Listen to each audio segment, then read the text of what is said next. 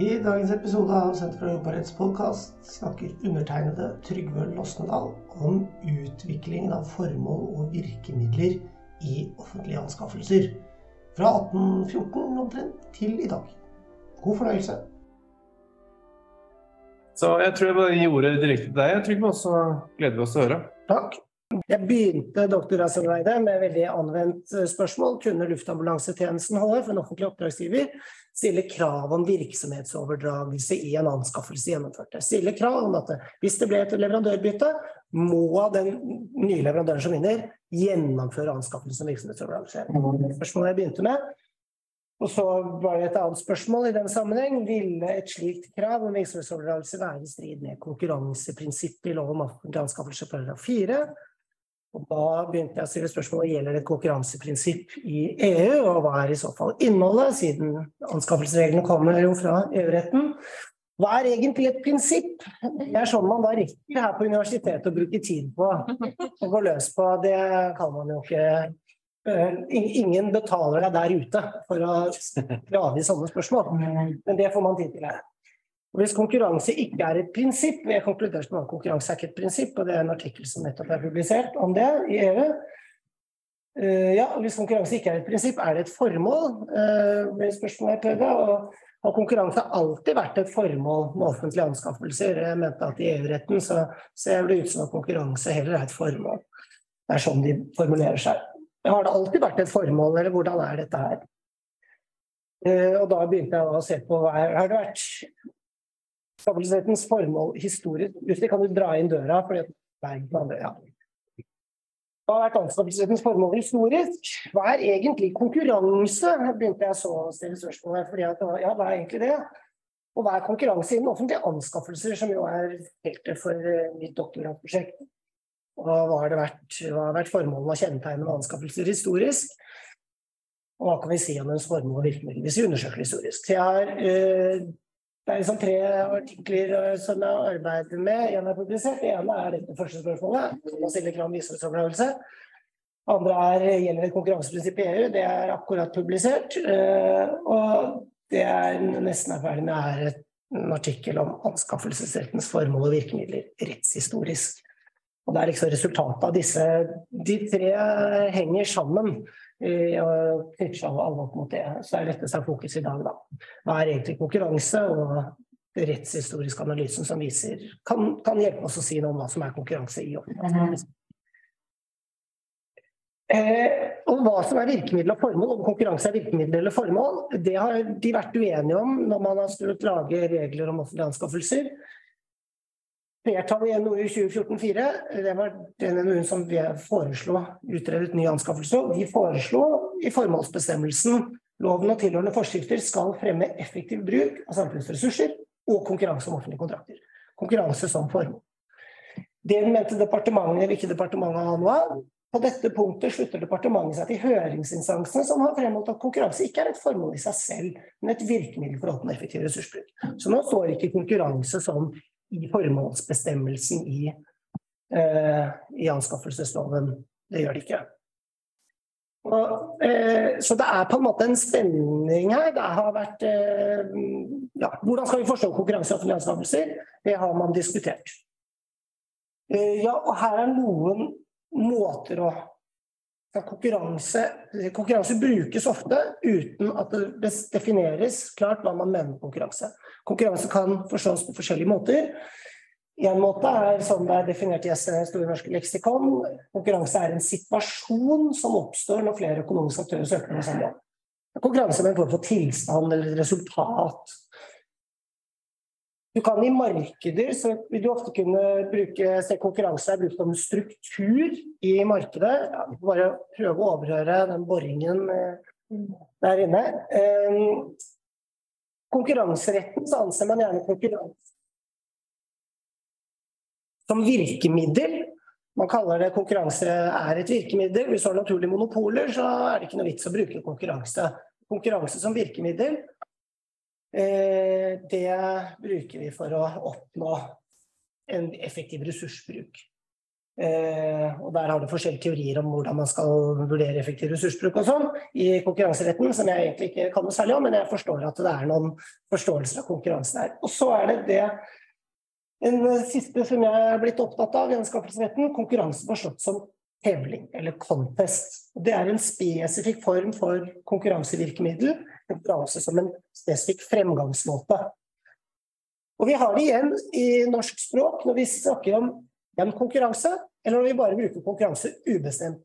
Når vi snakker om én konkurranse, da er det veldig ofte at vi snakker om det jeg mener man presist kan kalle tevling. Eh, og vi ser det også i Oxford Learners Dictionary. Der har du på, på termen competition. Competition, an event in which people compete with each other to find out who is the best at something. Det er det jeg mener er tevling eller contest. Eller to, a situation in which people or organizations compete with each other that not everyone can have. Er vi litt mer over kanskje i konkurranse om situasjon eller som en struktur. Så vi finner det igjen, mener jeg, i språket, men vi bruker ofte ikke tevlingbegrepet, selv om det mener jeg er mer presist. Så på svensk eh, ordbok termen tevling Særskilt anordna begivenhet varvid flere personer eller lag meter sin formåga, måler sin evne, er det på norsk, for å faststille hvem som er best og nest best etc. i noe avseende. Og, øh, ja. og så er dette en bok som jeg har hatt mye glede av. Den kom i 2021, hvor de da skriver en del om contest som en spesifikk form for konkurranse. Og hva kan vi da si nærmere om denne tevlingen, contesten? De er i en viss grad åpne, fordi at du gidder ikke arrangere en konkurranse, en tevling, hvis du vet at det bare er én deltaker uansett.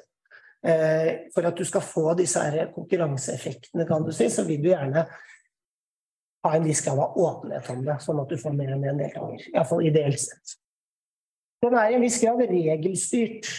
Man legger på et ekstra lag med regel, et ekstra lag med normering for den spesifikke konkurransen man arrangerer. Og det kan være en 100-meteren i OL. Eh, du har regler for det. Ja, det er to kategorier, det er menn og kvinner. Og antagelig må du være over 13 år for å delta. Ikke sant? Du har regler for hvem som får delta, særskilte regler for å delta i denne konkurransen, denne tevlingen. Og du har regler for hvem som vinner. Jo, i løping da, så skal du jo ha Hvis det er 100-meteren, så må du ha, er det om å gjøre å komme først til mål, og det er målt på tid. Du kan ha en annen løpekonkurranse som går på idealtid. Det gjør man i gymmen i fjerde klasse. Eh, det er om å gjøre å løpe rundt banen. Så du lager forskjellige regler som, eh, for den spesifikke tevlingen. Og vi kjenner jo igjen da når vi tenker på offentlige anskaffelser, at det er masse kriterier for deltakelse, og det er kriterier for hvem som skal vinne.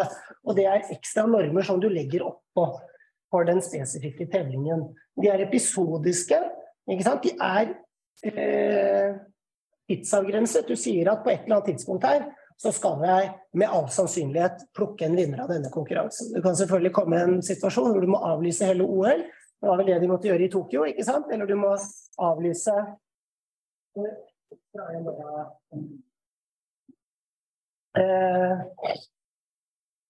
som et utgangspunkt skal det være episodisk tidsavgrenset.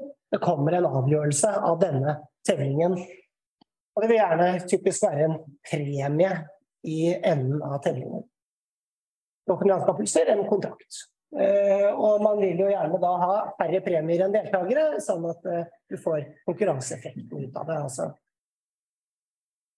og det forutsetter jo da normalt eksistens av et marked med konkurrerende aktører for at du skal gidde å arrangere en spesifikk tevling, og ikke bare gå til den ene som har det du vil ja, det produktet du vil ha, hvis du er i et marked. Det vil jo da være Ved kjøp er det normalt initiert av den som skal kjøpe. Eh, og ved salg er det normalt initiert av den som skal selge. Ved salg er det jo sant, en auksjon. Eh, du skal selge leiligheten din, du arrangerer en uh, tevling om den uh, boligen. Du legger den ut på salg, du sier at budrunden skal være Det er visning de dagene, og budrunden og det avgjøres dagen etter. Og jeg kan ikke akseptere noen bud fra klokka tolv eller hvordan det er. Og så føler vi alle at det er veldig urettferdig når noen kupper leiligheten, for da har noen liksom juksa litt, brutt litt de reglene og forventningene vi har til denne tevlingen. Ja. Så hevlingene de påvirkes selvfølgelig av den generelle reguleringen i markedet, eh, eller på de områder vi er, eh, og den, de spesifikke reglene som er satt opp for den aktuelle tevlingen. Så det er på en måte to lag av normering, og det er derfor jeg også tenker at dette er et eh, et objekt som er eh, også egnet for rettslige studier, fordi er, jeg mener at det er liksom en form for normering. Monopol, det er normer eh, for hvordan du skal opptre i monopol. Så er det andre normer for hvordan du skal opptre i, i sjakk. Eh, ja. Og mens competition, konkurransetermen mer generelt, den har ikke alltid dette åpen regelstyrt, episodisk premiert. Den er veldig ofte kontinuerlig, den er løpende. Når Samsung og Apple konkurrerer om at vi skal kjøpe deres telefoner, så arrangerer de ingen tevling, men det er jo en konkurranse mellom de løpende dag til dag, kontinuerlige, mot at hver av skal kjøpe det. Eller mellom advokatene, prøver å konkurrere om klientene, og, og, håper at når vi får et problem eller vi vil ha rådgivning, så går vi akkurat til dem, eh, og ikke til noen andre. Noen ganger så arrangerer vi kanskje en eh, tevling om å, mellom advokatfirmaene, men ofte gjør vi det ikke. Vi går bare til den vi tenker at det er best. Eller den, hvis vi er en business og vi skal ha en regnskapsfører, så går vi bare til den som er best, eller en revisor, eller alt skal være. Eh, og da benytter vi oss av en konkurransetilstand. Det er en markedsstruktur med konkurranse, og vi benytter oss av den konkurransesituasjonen, men vi arrangerer ingen spesifikk fevring. Bare går og benytter oss av konkurransen som er der. Og den konkurransen som foregår der i markedet, den er jo regulert av den generelle reguleringen. Skattenivåer, strømstøtte, markedsføringsregler, eh, ja, eiendomsrett, alle mulige sånne ting. Men, men, men ikke av da, spesifikke reguleringer som kommer i tillegg, som er i tevlingene. Da. Ja, Dagligvarebransjen, Samsung, advokattjenester, biler osv. Og, øh, så man kan si at øh, dette ser ut som at det er en dikotomi, at vi bare har to forståelser av konkurranse. Det er ikke meningen. Poenget, Det burde kanskje stått konkurranse. Hvitt begrep kan romme mye. Innunder det begrepet konkurranse så har vi én er tevling en, en spesifikk form for konkurranse som har noen kjennetegn som jeg mener at beskriver virkeligheten bedre når vi kaller det tevling. og Vi prøver å forstå den typen konkurranse som noe, noe, noe, noe, eget. Og det vil veldig ofte oppnå ja, ja. Eh, og er da en form for konkurranse på fremgangsmåte. Og her, Man kan følge konkurranse som fremgangsmåte. Man kan arrangere en tevling uten å oppnå konkurranse om tilstand. Vi arrangerer en anbudskonkurranse, og vi vet at det er, eh, vet at det er et monopol. Eh, det, bare, eh, det er bare én interessert, det kommer bare et tilbud. tilbud. Du har ikke fått konkurransesituasjon, for det har bare vært én. Men du har arrangert en tevling. Så har arranger, hatt en form for konkurranse som fremgangsmåte likevel, men det var bare én interessert. Eh, man kan oppnå konkurranse som tilstand. Det kan være uten å følge konkurranse fremgangsmåte. Ja, du går og kjøper. Det er mange advokatfirmaer som tilbyr rådgivning, bl.a. innen offentlige anskaffelser. Eh, og det er konkurranse mellom dem. Og hvis man går og kjøper fra, eh, fra det ene advokatfirmaet og ikke det andre, så har du benyttet av konkurransen som eksisterer i markedet mellom dem. En konkurransesituasjon, men du har ikke arrangert en tevling. Og i offentlige anskaffelser så mener jeg at man finner igjen dette skillet eh, hvor det anskaffelsesregelverket foreskriver, gjennomgående reglene foreskriver, er at du skal arrangere en tevling. I en eller annen forstand. Og det er nyanser mellom de tevlingene, men det er tevlinger. Åpne anbudskonkurranse, begrenset anbudskonkurranse, tilbudskonkurranse, konkurranse med forhandling, designkonkurranser. Det det er tevlinger i den forstand at de er episodiske, de er åpne i en viss grad. De har ekstra, et ekstra lag med regler som skal si noe om hvem som får delta, og hvilke kriterier man konkurrerer på, og hvem som blir vinneren av denne tevlingen. Det er direkteanskaffelse, det er ikke tevling. Du arrangerer ingen tevling. Du går bare og kjøper det prosessoppdraget fra det advokatfirmaet som du vil benytte av. Eller du skal bare ha noe blomster til kontoret, Så du går bare på plantasjen, og så kjøper du noen blomster til kontoret. Du går til, du går til plantasjen, ikke hva det heter, Floris og Finn sjøl. Du har ikke arrangert en tevling. Ja. Og, jeg mener Og så skal ikke jeg ta hele den historiske gjennomgangen, men konklusjonen er at når man tar den historiske gjennomgangen, så ser man at regelverket fra 1822, da man fikk en første sentral instruks om offentlige anskaffelser, så har det regelverket hele veien foreskrevet bruk av tevlinger. Og så har på en måte unntaket vært den direkte anskaffelsen. Det å ikke benytte seg av tevling, og da presumptivt benytte seg av den konkurransen som bare er i markedet, men ikke arrangere en særskilt tevling. Ja. Da snakker vi om det norske regelverket. Det norske, ja. Men nei, det, engel, altså, det, det gjelder også EU-regelverket. Også EU-regelverket, for det er den, så, så også EU-regelverket har foreskrevet som hovedregel du skal arrangere en tevling. Eh, de kalles gjerne forskjellige prosedyrer, de bruker andre ord. Eh, men, men, jeg mener at det kan presist beskrives som eh, tevlinger. Det har vært foreskrevet, og direkteanskaffelser er det som krever liksom, en særskilt begrunnelse, kan du si. Men ikke EU-regelverket fra 1822?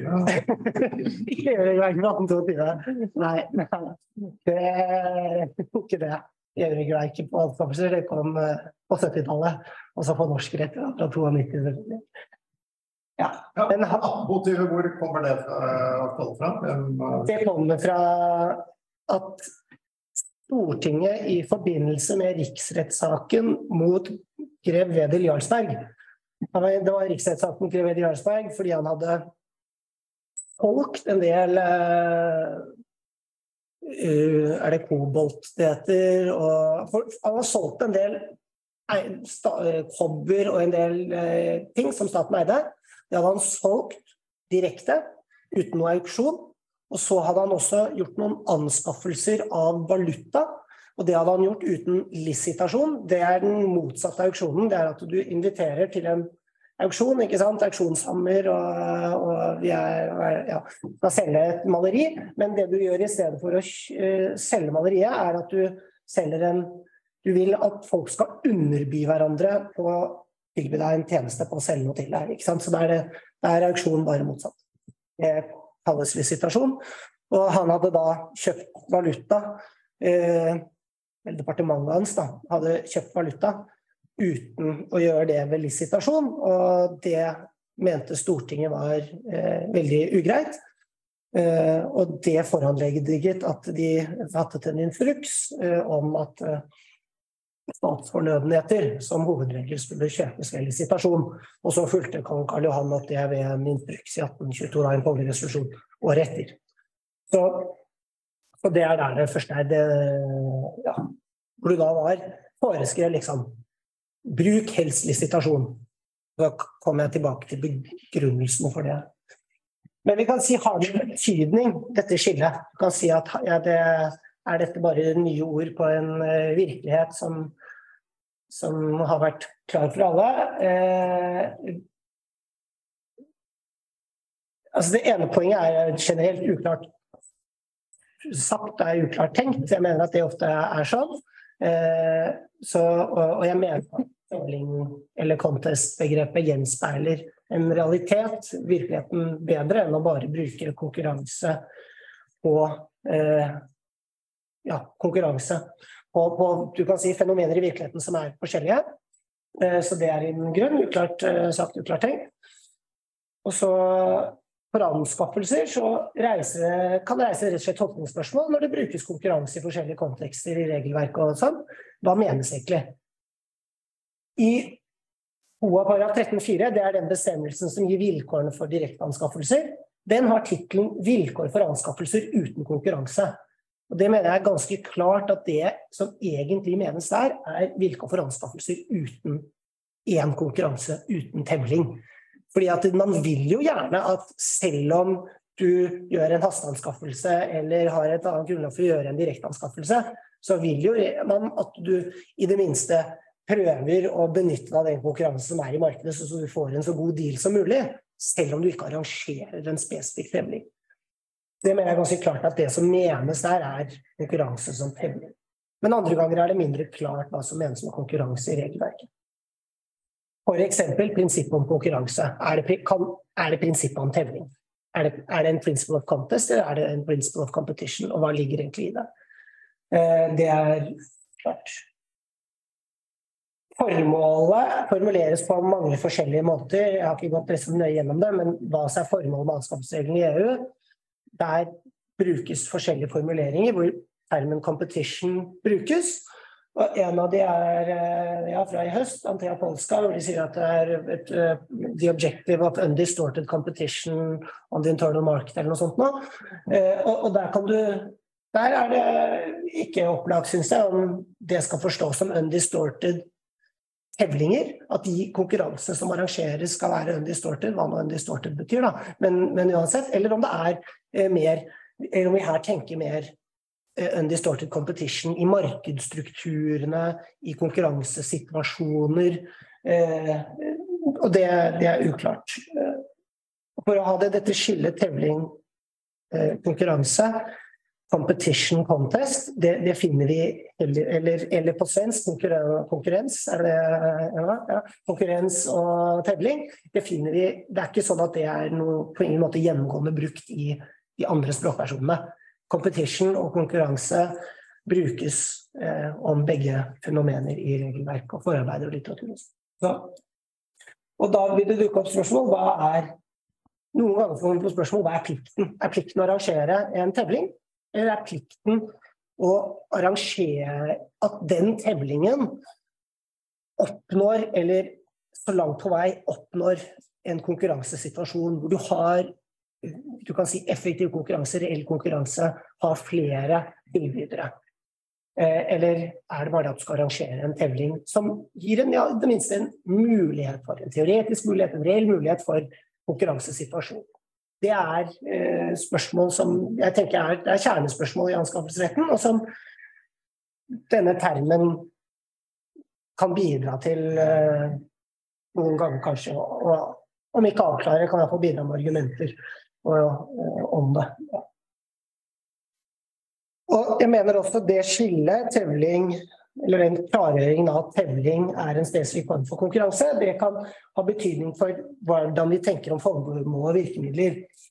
Jeg tenker at tevling er mye tydeligere et virkemiddel og ikke et formål. Det er en fremgangsmåte ja, som måtte kalles ikke sant, procedures eller prosedyrer, eh, som det ofte omtales som i litteratur og, og regelverk. Og tevling mener jeg også det er et særlig egnet virkemiddel i offentlig forvaltning, ikke bare i anskaffelser, men også ellers. Eh, Fordi dens kjennetegn oppfyller mange offentligrettslige idealer, eller offentlige idealer. Den er åpen, som jo transparent, som jo man vil at den skal være. Den er regelstyrt, som man vil at det offentlige skal være. Vi vil ikke at det offentlige skal være vilkårlig eller ha altfor vid grad skjønn, hvor den makten eller forvaltningen av våre felles midler kan misbrukes. Og det bidrar da til forutberegnelighet, likebehandling, saklighet, uavhengighet, kontroll. Mange offentligrettslige idealer blir på en måte blir ivaretatt ved at man sier at dette skal skje ved en form for tevling. Tildelingen av en tillatelse um, for oppdrett eller kontrakter, eller for så vidt også salg av offentlig eiendom. Man tenke deg at vi liker kanskje best når det skjer med en form for auksjon, og ikke bare et direkte salg til noen som klarer å gjøre seg en god deal. Eh, Og ofte også effektivitet. Eh, Tevlinger vil ofte gi effektive utfall. Det er altså en Tevlinger være gode virkemidler for eh. Og svarene blir fort veldig forskjellige om vi spør hvorfor konkurranse, eller om vi spør hvorfor tevling. Det leder tanken til forskjellige steder. Eh, Hvorfor konkurranse vil veldig ofte lede til det konkurranserettslige formålet om effektiv ressursbruk. Men hvis vi spør hvorfor tevling, så vil vi kanskje oftere komme til disse offentlige rettslige idealene. Sånn, jo, men det er åpent, det er veldig bra med tevling, fordi det er åpent, det er regelstyrt. Det sikrer likebehandling, forutberegnelighet, uavhengighet. Det sikrer mulighet for ekstern kontroll. Um, ja, så det kan ha betydning. Hvorfor har vi Ja. ja. Og For å illustrere dette med at spørsmålet hvorfor konkurranse eller hvorfor tevling kan gi forskjellige svar, synes jeg også at vi finner igjen i disse uttalelser om, om konkurranse. Så er konkurranse formål, eller er det et virkemiddel? Eh, Jeg tror liksom det går inn i det temaet. Flertallet i NOU-en i 2014 sa, skrev at historisk sett er det et ønske om effektiv ressursbruk som var begrunnet innenfor landskapet i norsk rett. Eh, Det kan jo lese som historisk sett er det et ønske om effektiv ressursbruk som var begrunnet innføring av konkurranse i norsk anskaffelsesrett. Eh, tror jeg liksom er noe som ligger under det de tenker der. Eh, Departementet, som flertallet har pekt på, har ønsket om effektiv forvaltning av fellesskapets midler historisk sett vært en bærende begrunnelse for innføring av regler om offentlige anskaffelser. Hva er klokka? Det? Ja, ok, da, men det går fint. Da kan jeg ta fem minutter til. Fem minutter til går fint. Ja. Eh, Og jeg mener at den historiske analysen som jeg har gjort, den mener jeg at viser at dette er feil. Eh, Det er, eh, det er motsatt. Historisk så har ikke innføring av regler at man i 1822-2122 begynte å si at her må vi helst begynne å bruke lisitasjon. Eller at man i 1899 begynte å lage eh, interne reglementer, forskrifter for bruk av offentlige anskaffelser, hvor det da fore- foreskrev som hovedregel bruk en form for anbudskonkurranse. Unntak for direkte anskaffelser, eller underhåndskjøp, som vi kalte det den gangen. Begrunnelsen var ikke effektiv ressursbruk, begrunnelsen var integritet. Det var at du skulle ha internkontroll. Stortinget ville ha kontroll med den utøvende makts pengebruk. Utøvende makt som eier, kan du si, eller forvalter av offentlige midler, ville ha kontroll med at den som faktisk gjennomførte anskaffelsene, ikke underslo eller begikk annen form for økonomisk kriminalitet. Det var, det var dels et sånt kontrollbegrunnelse, dels var det denne de, var også inne på at allmennhetens tillit det handlet om statens verdighet, som de formulerte det, om hvordan man liksom skal bruke og forvalte disse pengene. Det var begrunnelsen for at du fikk den lisitasjonsinstruksen i 1821. I tillegg var det et eh, tilleggspoeng om valutakontroll. Som, ja. I 1894 så var, da fikk du en instruks fra Stortinget om at det skal være 10 påslag 10 påslag for tilbud for utenlandske tilbydere. Sammenlignet med den interne av norske. Og Det er jo ren proteksjonisme. Det er ikke effektiv ressursbruk, det er proteksjonisme. Det er næringspolitikk. ikke sant? 1899 eh, så var også begrunnelsen integritet. Det var det samme i den internkontrollen. Den som, de som pusha forskriftene som til slutt kom i 1899, det var eh, ja, bakidens Riksrevisjonen, som ville ha kontroll med pengebruken. Eh, og det var også ressurseffektivitet. Det var også et argument, men integritet og fortsatt proteksjonisme. At disse reglene skulle ha preferanseregler for norsk industri, norske verksteder og sånt noe. Det var det som var den bærende begrunnelsen for at du fikk disse forskriftene i 1899, som da foreskrev bruk av anbudskonkurranser i forskjellige nyanser, som, som da var temmelig. Og ressurseffektivitet var subsidiært. Det ble videreført i 1927. Den samme begrunnelsen ble videreført der. Ressurseffektivitet var med, men var litt mer i bakgrunnen. Og proteksjonisme var veldig viktig i en tøff tid i 20-årene etter uh, første verdenskrig. På 1950-tallet eh, så var det jo mer ikke sant, Arbeiderparti-starten med statlig styring og vokst, vekst i forvaltningen. Eh, der kom det flere rundskriv om å prioritere distriktspolitikk sterkere. Det er også andre argumenter enn ressurseffektivitet som vi normalt forstår det i dag, om å få mest igjen, mest, mest igjen for penga. 1967 justeringer for å tilpasse EFTA-avtalen, men det var mer formaljusteringer og lite reelle forskjeller. Så kom REFSA, som var eh, regelverk for offentlige anskaffelser. Da var proteksjonisme og distriktspolitikk fortsatt veldig sentralt. Ressurseffektivitet begynte å komme mer eh, frem i begrunnelsen. Og så fikk vi også frem rettssikkerhet av hensyn til leverandører. ikke sant? Den nye forvaltningsstaten, forvaltningslov, offentlighetslov, Eh, staten som aktør, en del sånne rettsstatlige idealer, de kom sterkere frem. Og dermed kom også statens, kan du si, forvaltningen særlig ansvar for rettssikkerhet av hensyn til leverandørene, men også rettssikkerhet av hensyn til internkontroll og annen tillit. Dette integritetshensynet formålet var også sterkt til stede. Så i 92, indre marked gjennom ikke-diskriminering, det var det som skulle oppnås mellom EØS-reglene om offentlige anskaffelser da. Begrunnelsen fra EUs side var ikke ressurseffektive innkjøp. Eh, Det var, det var økonomisk vekst samlet i hele EU, men det var ikke sånn den enkelte kontrakt skal gi gode, effektive innkjøp, mye penger og valuta for penger, liksom. Nei, det var å hindre nasjonalitetsbasert diskriminering som var begrunnelsen der. Men i 99, da kommer det for fullt. Nei, her er det forretningsmessighet, vi skal ha ressurseffektive anskaffelser, eh, vi skal ha rettssikkerhet av hensyn til leverandørene, og så tok man ut integritet som formål med anskaffelsesreglene. Mens integritet hadde da vært det bærende hensynet fra 1821.